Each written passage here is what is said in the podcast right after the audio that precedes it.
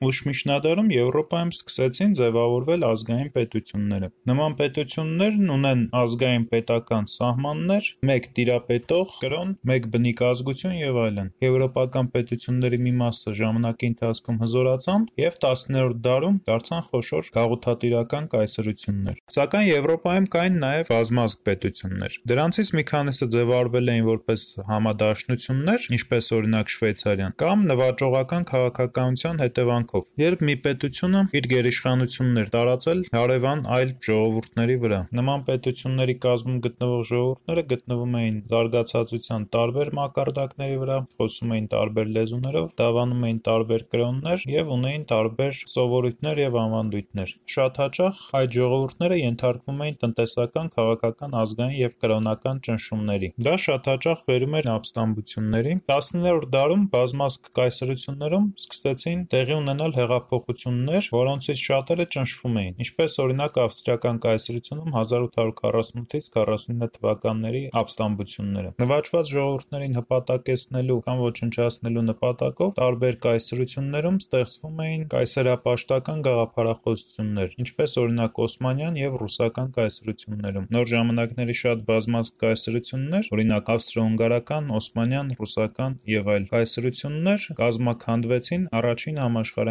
պատերազմի ժամանակ կամ դրանից հետո։ Ֆրանց Յոզեֆը, ով Ավստրիայի կայսրն էր, Հունգարիայի, Խորվաթիայի եւ Բոհեմիայի թագավորը, 1867 թվականին ստեղծեց Ավստրո-Հունգարիան, որը փաստացի ավստրիական Հաբսբուրգների տերությունն էր։ Բացի ավստրիացիներից եւ հունգարացիներից, դրա տարածքում ապրում էին բազմաթիվ նվաճված ժողովուրդներ՝ չեխեր, սերբախորվատներ, լեհեր, ռուսիններ, ռումինացիներ, սլովակներ, սլովենացիներ, իտալացիներ եւ այլ ժողովուրդներ։ Ավստրո-Հունգարիայի տարածքը ներկայումս Ավստրիայի, Բոսնիա-Հերցեգովինայի, Խորվաթիայի, Չեխիայի, Հունգարիայի, Իտալիայի, Չեռնոգորիայի, Լեհաստանի, Ռումինիայի, Սերբիայի, Սլովակիայի, Սլովենիայի եւ Ուկրաինայի մաս է կազմում։ Արհեստականորեն ստեղծված նման բազմազգ պետության տարածքում անընդհատ տեղի էին ունենում հակակառավարական ապստամբություններ։ Թեև արդյունաբերական հեղաշրջման ժամանակաշրջանում Ավստրո-Հունգարիայում տնտեսությունը սկսեց արագ աճել, բայց մասնավոր խոշոր ձեռնարկությունների համար Ավստրիայում բարենպաստ պայմաններ չկային, քանի որ Ավստրիայում վախենում էին, որ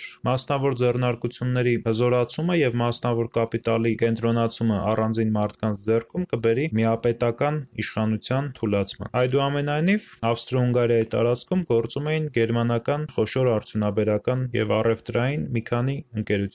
Ավստրո-Հունգարիայի տարածքում անընդհատ բնույթ էին կրում անջատողական շարժումները եւ Ֆրանց Յոսեֆը փորձում էր դրանք մեղմացնել տարբեր տարածաշրջանների ինքնավարությունը բարձրացնելով, ինչը սակայն ավելի էր ուժեղացնում անջատական ձգտումները։ Եվ ինչպես եւ շատ կայսրություններում, Ավստրո-Հունգարիայում եւս ներքին խնդիրները փորձում էին անդարտեցնել արտաքին թշնամու կերպարով եւ փորձում էին անընդհատ արտաքին պատերազմներ մղել։ 19-րդ դարում ռուսական կայսրության արտաքին քաղաքականության գլխավոր նպատակներից մեկը մնում էր նոր տարածքների նվաճումը եւ ազդեցության գոտիների ստեղծումը Բալկաններում եւ Սևծովի ավազանը, ինչպես նաեւ Ամայի տարածքների յուրացումը Կենտրոնական Ասիայում եւ Հեռավոր Արևելքում։ 1820-ական թվականներին ռուսական կայսրությունը հաղթական պատերազմներ մղեց Օսմանյան կայսրության եւ Պարսկաստանի դեմ, ինչի արդյունքը եղավ Անդրկովկասի անցումը Ռուսաստանին, ինչպես նաեւ Սևծովի արևմտյան մի քանի երկրներում դրա ազդեցության տարածումը։ 1850-60-ական թվականներին ռուսներն անգլիացիներից